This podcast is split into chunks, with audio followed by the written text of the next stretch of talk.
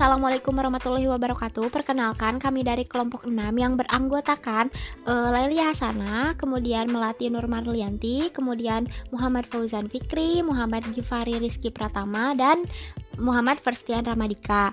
Uh, pada podcast ini kami akan uh, menjelaskan tentang sastra Arab dan sastra Islam. Sastra Arab merupakan karya sastra yang ditulis oleh penulisnya dengan menggunakan bahasa Arab. Sastra dalam bahasa Arab yaitu adab. Adab merupakan etika yang mencerminkan kesopanan, budaya, dan kekayaan budaya. Sastra Arab dikenal sejak sebelum masuknya Islam atau sebelum abad ke-7 Masehi. Masa pra-Islam tersebut disebut sebagai sastra Arab klasik atau sastra Arab masa jahiliyah. Jahiliyah disebut juga masa kebodohan. Pada zaman pra-Islam, di pasar-pasar seperti pasar Sok Okas, Sok Majana, dan Sok Dial Majas merupakan destinasi yang dilewati karavan ketika melintasi daerah peninsula Arabia. Di pasar-pasar tersebutlah puisi mulai dibacakan dengan menggunakan dialek Quraisy. Selain puisi, pada zaman tersebut juga sudah ada prosa. Macam-macam prosa yang ada pada zaman jahiliyah di antaranya farabel yang merupakan cerita rekaan untuk menyampaikan ajaran agama, moral, atau kebenaran umum dengan menggunakan perbandingan atau ibarat. Kemudian ada juga e, pidato dan eh, cerita-cerita. Pada zaman Roshidi atau kekhalifahan, pusat berkembangnya sastra terjadi di Hijaz, kemudian kota-kota seperti Mekah dan Madinah. Di Levan, pusat perkembangan sastra ada di Damaskus, kemudian di Iran, pusat perkembangan sastra ada di Kufa dan Basro. Penulisan sastra dan puisi pada periode ini membantu penyebaran Islam. Pada saat itu, puisi-puisi ditujukan untuk memuja pejuang, untuk menginspirasi prajurit ketika jihad, dan ada juga rito yang merupakan karya sastra untuk mengenang, mengenang jasa orang-orang yang gugur dalam peperangan. Puisi yang terkenal pada masa ini merupakan karya-karya dari penulis-penulis di antaranya Kabin Ka Kab ibnu Zuhair, Hasan ibnu Tabit, Abu Du'ib al-Hudali, dan uh, Nabigo al-Jadi. Al-Jadi. Pada periode Umayyah pun karya sastra Arab masih berkembang.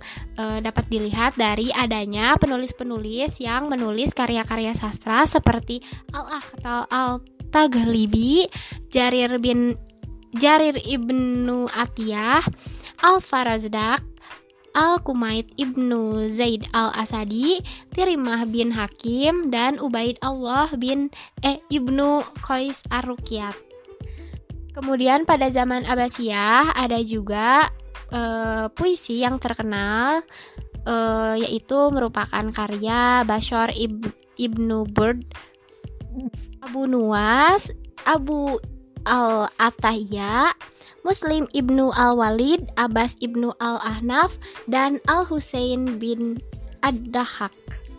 Kemudian periode selanjutnya adalah periode Andalusia. Pada sa pada saat itu juga sama terjadi perkembangan sastra. Kemudian pada uh, zaman Ottoman juga sama terjadi uh, perkembangan sastra pada uh, kerajaan Ottoman dapat dilihat dari puisi-puisi tulisan As Ash Sob Ad-Dorif, kemudian Al-Busiri, penulis dari Al-Burda, kemudian Ibnu Al-Wardi, Safi Al-Din Al-Hili, dan Ibnu Nubata. Kemudian selanjutnya ada peri periode Nahda yang merupakan uh, renaissansnya uh, sastra Arab. Nah, peri periode Nahda ini dimulai ketika Napoleon melakukan invasi ke daerah Mesir. Tepatnya pada tahun 1798. Nah, dengan adanya Napoleon ke Mesir ini, Eropa ke Mesir ini, uh, membuat sastrawan-sastrawan Arab ini uh, terinspirasi dari budaya-budaya dari Eropa yang kemudian uh, karya sastra yang mereka buat pun semakin kaya karena masuknya unsur-unsur kebudayaan dari uh, barat ke timur ke kebudayaan mereka. Nah, uh, selain itu juga Selain itu juga karya sastra Arab e, jadi semakin luas dan menyebar karena bahasanya ditranslasikan atau diterjemahkan ke dalam bahasa orang-orang Eropa pada saat itu. Kemudian ada periode modern kesastraan mod kesastraan Arab modern di mana pada abad ke-20 itu sastra Arab e, baik puisi ataupun prosa mencerminkan e, perubahan iklim politik dan sosial dari e, dunia Arab. Tema yang sering kali diusung pada karya-karya sastra pada periode ini merupakan anti kolonialisme yang terkemuka pada awal abad 20. Tema tersebut mengeksplorasi tentang hubungan antara wilayah Arab dengan wilayah e, barat. Nah, pembahasan selanjutnya adalah sastra Islam. Sastra Islam merupakan karya sastra yang ditulis oleh orang Islam di mana pun dan kapan pun uh, tapi yang berhubungan dengan eh, moral-moral atau nilai-nilai kebudayaan Islam. Jadi sastra Islam ini disajikan dalam bentuk fiksi maupun non-fiksi. Karya fiksi yang terkenal dalam dunia sastra Islam adalah buku Seribu Satu Malam atau uh, juga uh, terkenal dengan nama Arabian Nights. Buku ini berisi tentang cerita-cerita uh, kumpulan cerita-cerita rakyat. Tapi kadang-kadang itu jadi ada cerita yang uh, yang cerita itu bukan termasuk dalam uh, bagian dari buku 1001 malam, tapi orang Eropa itu menyebutnya sebagai cerita 1001 malam. Walaupun sama-sama e, berasal dari Arab, tapi e, sebenarnya cerita itu bukan bagian dari buku 1001 malam. Kemudian ada puisi-puisi Islam yang dipengaruhi oleh metafora e, metafora Islam dan puisi-puisi lokal dari mm, berbagai daerah dan juga zaman seperti tradisi qasidah yang e, ada sejak masa pra-Islam. Kemudian di Persia ada Gozal, kemudian Bengali yang dimulai pada abad 15. Selanjutnya akan ada karya-karya yang akan dibahas oleh rekan-rekan saya. Eh, Assalamualaikum warahmatullahi wabarakatuh. Nama saya Muhammad Fazan Fikri dan sekarang saya akan uh, menjelaskan tentang pokok-pokok bahasan nomor satu. Nah, jadi kan uh, bisa kita lihat di uh, apa namanya itu di RPS ya yang pokok bahasa nomor satu itu adalah reflection of the changing political and social climate. Dan, dan di sini saya akan membahas karya-karya yang karya yang pertama yang berjudul The Alien Farmer. Nah, ini sangat sesuai dengan pokok bahasa nomor satu. Nah, sekarang uh, Alien Farmer ini ditulis oleh Abdul Hamid Ahmad, seorang penulis dari Uni Emirat Arab dia ini mendapatkan pemahamannya mengenai dunia sastra itu melalui karya-karya yang ia baca. Jadi dia, dia itu sering membaca buku dari uh, sejak dia kecil. Nah, dia ini mulai menulis pada tahun 1973 dan ia ini sangat memperhatikan perubahan-perubahan besar yang terjadi di daerah Teluk Arabia, uh, Arabian Gulf, gitu, di Teluk Arabia yang disebabkan oleh ditemukannya dan berkembangnya tentunya industri minyak di daerah situ dan karena itu minyak yang harganya tinggi tentu, tentu saja membawa perubahan yang cukup signifikan dari segi harta ya, kekayaan daerah itu jadi jadi, jadi lebih kaya.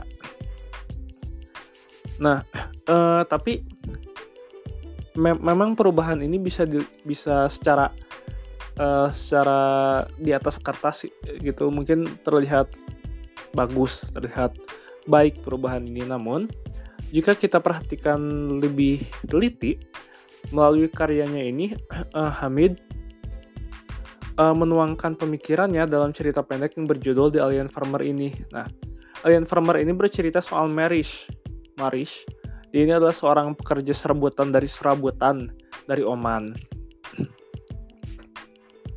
Nah, dan melalui kisahnya ini kita bisa melihat bahwa perubahan-perubahan nilai sosial bahkan uh, perubahan-perubahan nilai sosial dan bahkan politik pun uh, bisa terjadi gitu. Karena hal-hal yang disebutkan tadi yaitu adanya minyak dan kekayaan. Dan kedua hal tersebut ini melahirkan tragedi tentunya yang disebabkan juga oleh modernitas. Dengan semakin berkembangnya zaman di semakin uh, canggih gitu. Dan ini mungkin terdengar bagus tapi di satu sisi lain ini bisa menyebabkan uh, tragedi yaitu lewat karyanya karya karyanya ini Hamid menunjukkannya lewat karakter Marish. Nah, uh, Hamid ini menunjukkan bahwa materialisme dan modernitas yaitu dengan ditemukannya uh, minyak dan kemudian membawa kekayaan dan semakin majunya perkembangan zaman, ini bisa melahirkan tragedi. Nah, kedua hal tersebut ini membuat manusia semakin egois dan individualis. Ini bisa kita lihat dari uh, orang-orang di sekitar Simaris yang sebelum di, sebelum ditemukannya minyak ini yang tadinya uh, mereka baik-baik aja mereka setiap ada acara manggil si Maris kalau misalnya ada perlu mereka suka ke si Meris, suka Meris suka bantuin mereka dan mereka juga selalu membantu Meris dalam urusan pekerjaan gitu. Nah, uh, se karena manusianya semakin egois dan individualis, ini bisa kita lihat di saat Meris ini sedang uh, bercerita dengan Salem, seorang temannya uh, Salem ini bertanya kepada si Maris ini, but why do you want to go back? Kenapa kamu pengen pulang? Nah, lalu kemudian uh, Maris menjawab, how can I how can I live here? No one takes any notice of me anymore. Tidak ada orang yang mempedulikan aku lagi sekarang. I cannot stand indifference being forgotten. Aku tidak bisa diabaikan seperti ini dan dilupakan oleh orang-orang. Jadi orang-orang yang dulunya baik ke si Meris, sekarang itu jadi mereka itu tidak peduli lagi, mereka abai dan tidak peduli apa yang terjadi kepada si Meris. Padahal dulunya mereka baik, gitu. Uh, kemudian juga uh, Meris ini mengeluh lagi. Ini bisa dilihat lagi bahwa orang-orang itu semakin kualitasnya ya, kualitas kualitas nilai sosial dan kemanusiaan orang-orang di sekitarnya itu semakin menurun. Ini bisa kita lihat di kutipannya yaitu decent folks are dead and gone. There are few left, but no one remembers me anymore. Tidak ada lagi yang mengingat bahkan jangankan peduli mengingat aja mereka udah gak ada yang ingat gitu ke si Meris itu. Uh, dan kemudian pun ini juga itu tadi dari perubahan uh, sosial ya dan kemudian pula Maris ini ya seperti yang disebutkan tadi bahwa kehidupannya itu sangatlah tragis ya. Namun memang walaupun sangat tragis tapi ini bisa kita lihat di kehidupan nyata gitu bahwa orang-orang terdapat orang-orang yang memang sebenarnya tidak siap dengan perubahan dengan perubahan signifikan yang cepat gitu dengan yang tidak siap dengan teknologi yang tidak siap dengan modernitas. Ini bisa kita lihat di di banyak banyak orang bahkan zaman sekarang masih gaptek masih gagap teknologi dan lain sebagainya. Dan orang-orang inilah yang yang tertinggal gitu. Dan Maris ini adalah seorang yang tertinggal daripada dari uh, zamannya. Pada zamannya dia adalah adalah orang yang tertinggal. Dia tidak bisa uh, keep up dengan dunia yang semakin berubah, yang semakin maju. Nah, um, karena hal itulah Maris ini bisa disebut bahwa dia itu orang yang kalah, kalah bersaing dengan orang-orang di sekitarnya dan karena orang-orang di sekitarnya yang menang, orang-orang inilah kemudian melupakan Maris yang masih di bawah. Jadi mereka tidak mempedulikan Maris hanya karena dia adalah orang yang tertinggal, hanya karena dia orang yang kalah gitu. Dan karena dia ini orang yang tertinggal, tentunya dia ini semakin sulit untuk mendapatkan pekerjaan. Jangankan pekerjaan untuk kembali ke ke tanah airnya di Oman aja dia gak bisa karena dia udah gak punya paspor padahal waktu pergi ke uh, Uni Emiratnya dia gak perlu mungkin. Tapi waktu ingin kembali ke Oman dia gak bisa karena gak ada paspor nah seperti yang diucapkan si Salam juga di percakapannya dia itu bilang to work nowadays you need an identity citizenship and a passport. Dia bilang, bilang dia bilang begitu. Eh itu bukan bukan si Salim maaf. Itu perkataannya si Marish to work nowadays you need an identity citizenship and a passport. Jadi harus punya identitas keluarga negaraan dan paspor dan karena dia tidak memiliki semua itu tidak punya paspor dan mungkin dia itu uh, gak jelas juga citizenship dan identitinya jadi gak gak ini apa orang-orang itu gak akan mau hire dia untuk untuk bekerja gitu. Karena di latar belakangnya aja gak jelas gitu. Nah dari aspek ini mungkin bisa kita lihat juga ini adalah aspek perubahan politis ya. Bisa di kita lihat bahwa birokrasinya ini semakin modern semakin ribet gitu uh, urusan-urusan administrasinya gitu ada harus ada inilah itulah inilah gitu gak, gak sembarangan seperti dulu nah uh, mungkin itu saja penjelasan dari saya dan materi selanjutnya akan disampaikan oleh rekan saya yang lain. Terima kasih. Halo, nama saya Melati Nur Marlianti. Di sini saya akan membahas salah satu karya yang berjudul Tears for Sale. Karya sastra ini diciptakan oleh Samir Azam, di mana Samir Azam dikenal sebagai woman writers yang karya-karyanya bertemakan tentang politik dan sosial. Dan menurut saya, Tears for Sale ini menceritakan tentang sosial bangsa Arab pada waktu itu. Dan di sini saya akan bertanya terlebih dahulu. Apa yang terlintas di benak kalian ketika kalian mendengar atau membaca judul karya ini, Tears for Sale. Yang muncul di benak saya ketika saya membaca karya ini, Tears for Sale, sangat unik ya. Jadi saya bertanya-tanya air mata yang seperti apa yang laku dijual di pasaran dan masyarakat yang seperti apa yang ingin membeli air mata tersebut gitu.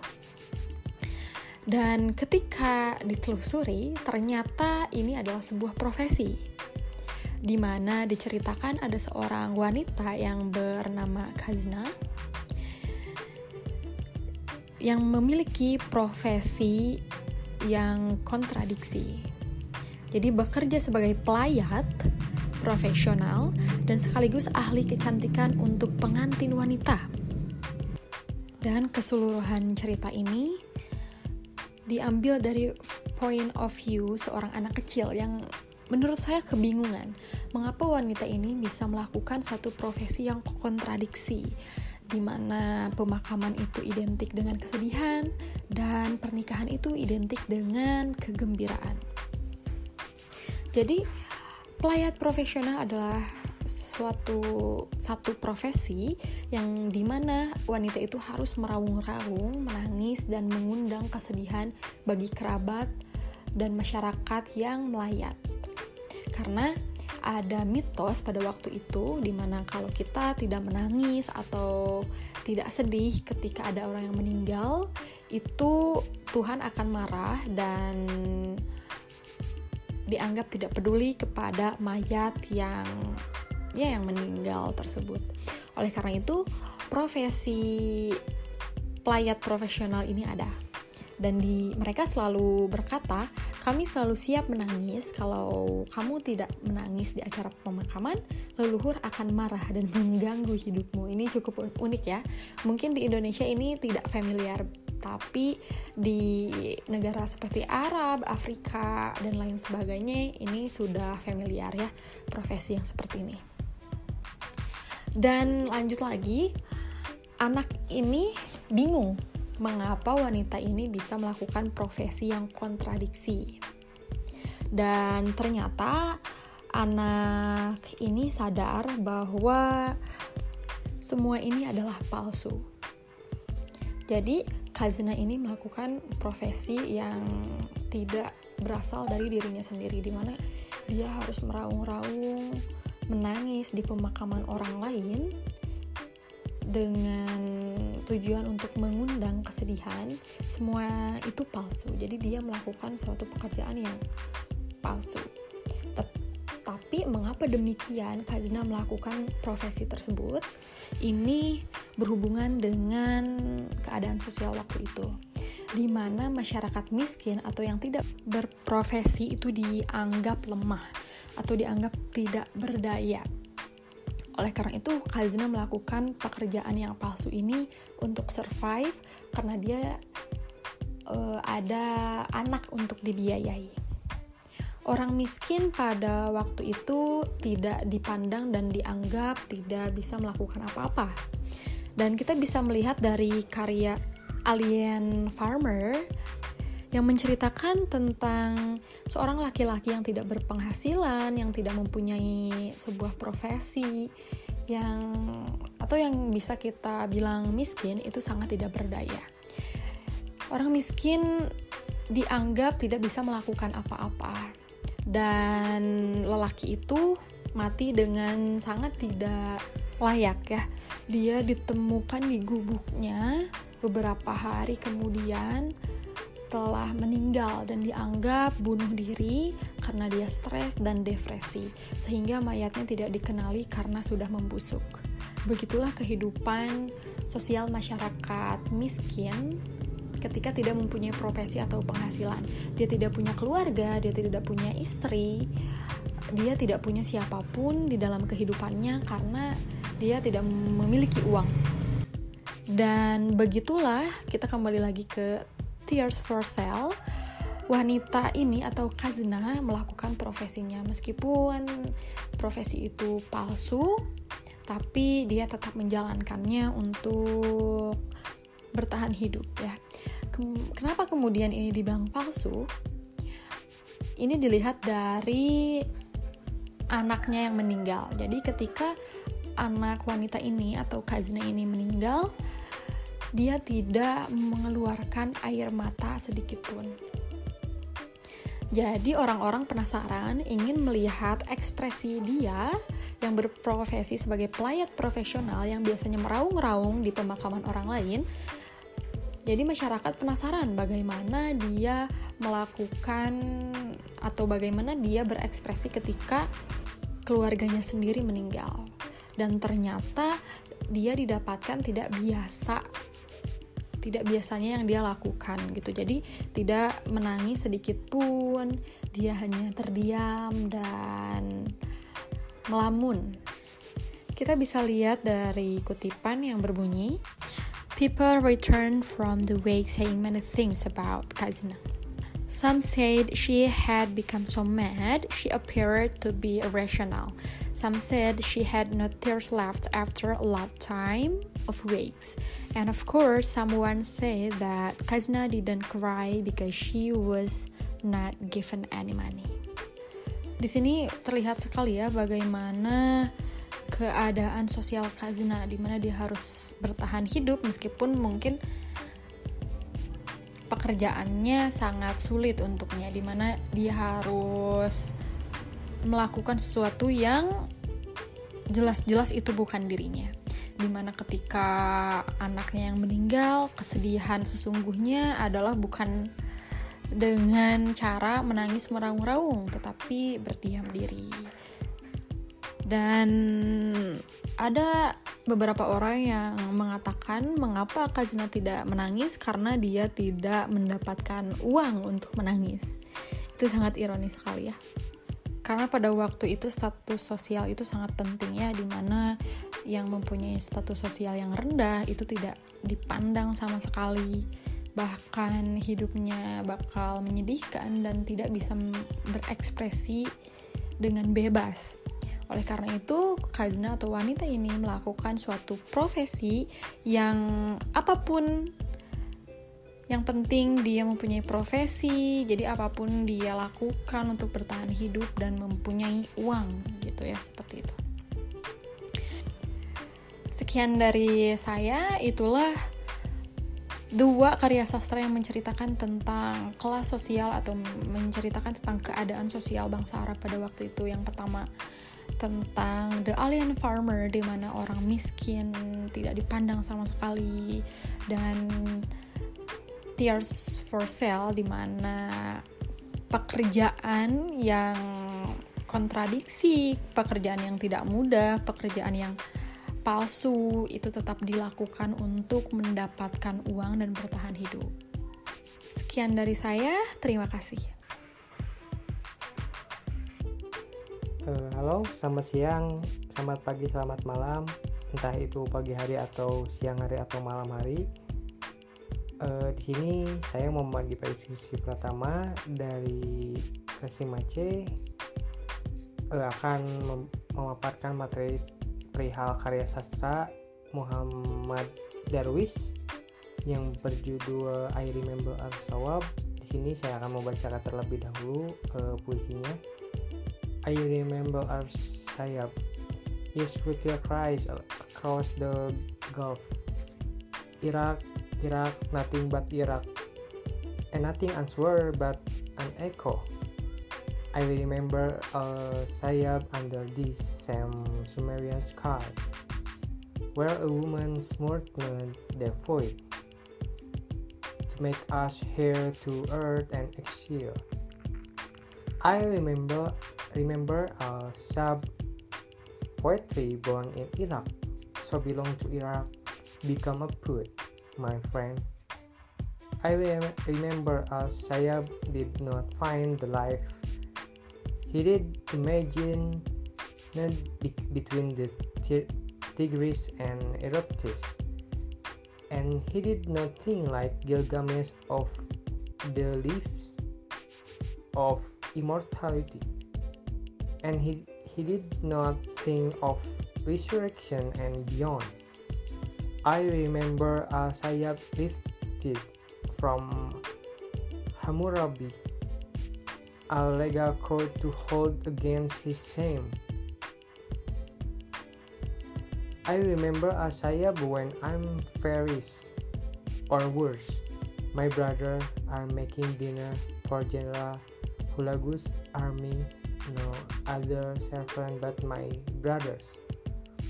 I remember a sayap how neither one of us ever imagined nectar the beast might no merit to reach out often I remember a sayap that irony meet rise up from the ground to fashion a cycle.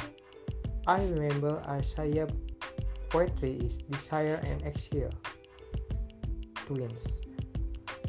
We want we wanted no more then alive and dead to call out our own. Iraq, Iraq, nothing but Iraq. Oke, okay, uh, eh, di sini saya akan membahas tentang uh, kolonialisme, anti kolonialisme. Dalam karya sastra ini berisi penguatan hak-hak atas terbentuknya karya sastra Arab pada masa itu oleh Badar Saki al-Sya'ab karena Badan Syakir al-Sa'ab seorang penyair kesusastraan Arab pada masa itu. Karena karya-karyanya ini uh, akan akan direbut oleh pihak-pihak luar Arab, yaitu bangsa Eropa, untuk untuk dijadikan hak milik mereka sendiri. Mengapa demikian? Karena pada puisi ini kita bisa melihat betapa warga negara Arab yaitu Irak dalam mempertahankan karya-karya sastra Arab tersebut dari Badar Syakir Asyab karena uh, Badar Badar Syakir Al Syab ini adalah sebu, seorang uh, sustra, uh, seorang susastrawan yang terbesar pada masa itu yang sangat dikagumi oleh banyak orang. Karena karya-karyanya ini uh, banyak orang Arab yang mengetahui karya-karya beliau karena karyanya ini disampaikan tidak secara tertulis melainkan uh, secara lisan ah pada awalnya dan lalu ditulis oleh uh, kerabat beliau. Lalu in, uh, pada saat ini pada saat terbentuknya puisi ini tuh uh, akan di mau mau untuk direbut oleh pihak luar Arab gitu karena ini sudah tersebar luas karya-karyanya ke penjuru tanah Arab dan menganggapnya sebagai sebuah harta yang sangat berharga di Arab hingga dipertahankan hidup dan mati. Puisi ini terlihat perge pergejolakan penolakan dari bangsa Arab terutama Irak dalam mempertahankan sebuah karya sastranya agar tidak direbut ini bisa disebut sebagai anti kolonialisme agar karya tersebut tidak diakui oleh orang luar Arab. Nah, jadi eh, di dalam awal awal puisinya juga ini sudah terlihat sebuah eh, diksi-diksi sebuah penolakan karena eh, ini tuh ini tuh adalah karyanya Al-Saab gitu. Jadi mereka tidak menerima adanya pihak luar yang mengaku bahwa puisi itu adalah milik orang tet tetapi eh, ini adalah milik eh, Arab sendiri terutama Irak. Jadi mereka memperserukan agar menolak untuk adanya anti kolonialisme di sini eh, sebagai eh, tidak boleh ada orang luar selain Arab mencampuri urusan uh, Arab sendiri gitu. Uh, sekian dari materi dari saya. Wassalamualaikum warahmatullahi wabarakatuh. Ya, uh, teman-teman sekalian, uh, ini saya Firstian dan saya akan membuat sebuah um, summarize ya dari penjelasan yang telah dijelaskan oleh teman-teman saya ya terutama mengenai karya sastra yang tadi sudah kita bahas gitu ya dan karya sastra ini semuanya unik dan berfokus kepada poin pembahasan yaitu pertama merefleksikan dari perubahan politik dan iklim sosial dan yang kedua di anti kolonialisme Tentunya ketika kita membahas mengenai yang namanya refleksi berarti kita itu mengevaluasi ya berarti kita menilai yang mana yang buruk dan yang baik dan kemudian langkah apa selanjutnya dari masalah-masalah yang kita hadapi supaya menjadi solusi. Ketika kita membaca karya contohnya yang Al-Hamid Ahmad yang Alien Farmer yang sudah dijelaskan oleh Fauzan tadi, uh, maka kita bisa melihat sangat jelas sekali di sini ada iklim sosial yang ditonjolkan gitu ya. Ketika ada seseorang yang kalah dalam suatu hal, maka dia menjadi seseorang yang tidak dominan lagi atau menjadi minoritas gitu ya. Dan ketika kita membaca judulnya saja The Alien Farmer, alien itu kan artinya asing, ya, sesuatu yang di luar kebiasaan atau kemampuan manusia biasanya. Nah di sinilah dia memunculkan uh, social climate yang sangat jelas gitu. sesuai dengan yang dijelaskan.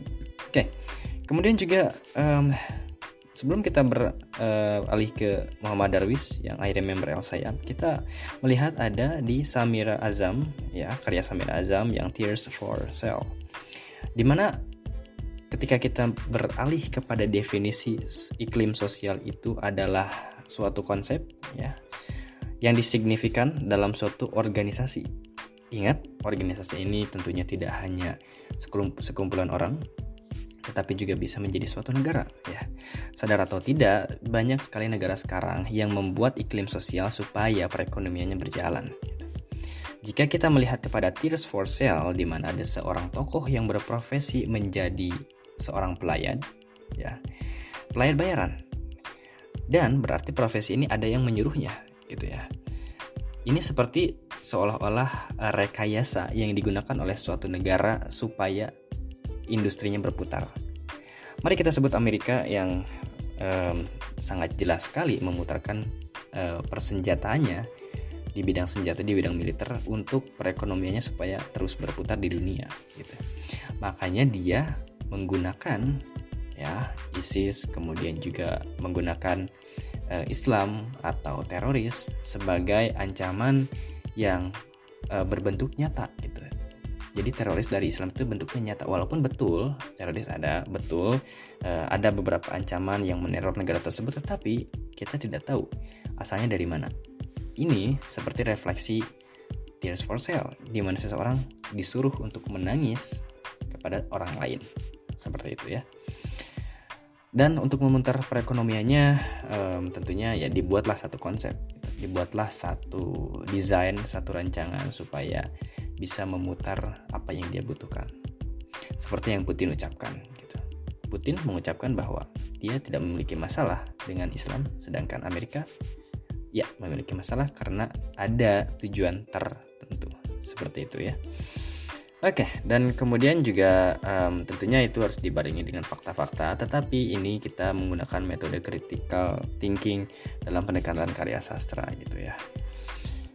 Kita lihat di Muhammad Darwis di I Remember El Sayab, jadi aku hanya mengumpulkan dan summarize lagi gitu ya atas pembahasan-pembahasan yang teman-teman tadi bahas mulai dari Fauzan, Amela dan Gifari gitu ya. Dan pembukanya tentu dari Laila. Ketika kita melihat Muhammad Darwis, I Remember El Sayab, maka kita mengingat uh, dan bernostalgia kepada perjuangan Irak tentunya ya.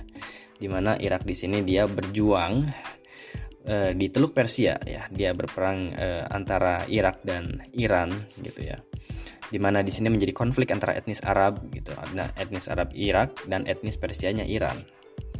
Kemudian ada konflik dari mazhab Sunni dan Syiah ya Nah, e, artinya apa refleksi dari puisi ini? Refleksi dari puisi ini adalah berarti ya ini ketika politik tidak bisa lagi membersihkan suatu negara, ketika politik sudah tidak mampu lagi untuk memperbaiki apa yang salah, maka puisilah yang membersihkannya. Ya. Ketika politik itu kotor, maka puisilah yang membersihkannya. Itulah yang diucapkan oleh um, salah satu pemimpin Amerika. Gitu ya. Ya, uh, George W. Washington. Jadi dia bilang George Washington ini dia bilang bahwa uh, politik ini dibersihkan oleh puisi, gitu ya. Maka politik ini kotor. Nah, I remember saya kurang lebih seperti itu. Ini untuk memperingati adanya konflik ya dan tentunya di sini berhubungan dengan anti kolonialisme gitu ya. Anti kolonialisme ini dia dia um, tentunya sikap di mana kita tidak ingin dikolonisasi gitu ya. Tidak ingin kita direbut baik dalam bentuk apa pun gitu ya. Dalam bentuk karya sastra dalam bentuk pemikiran dalam bentuk gaya hidup fashion ya. Meskipun sadar tidak sadar kita ya sekarang di zaman modern sekarang banyak terjajah oleh negara lain gitu. Sadar tidak sadar ya.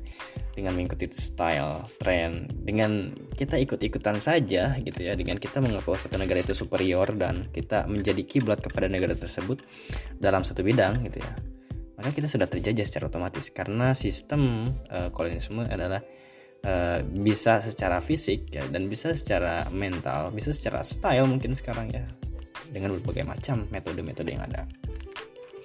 Um, nah itulah teman-teman sekalian uh, refleksi uh, of the changing political and social climate and anti-colonialism dan uh, kita sangat terbuka untuk pembahasan-pembahasan selanjutnya dan Uh, sangat berterima kasih kepada teman-teman yang sudah menjelaskan teman-teman saya dari Layalia, Melati, Gifari, Fauzan, dan saya sebagai konklusi. Terima kasih banyak, semoga podcast ini bermanfaat. Dan akhir kata kita ucapkan semuanya terima kasih dan wassalamualaikum warahmatullahi wabarakatuh.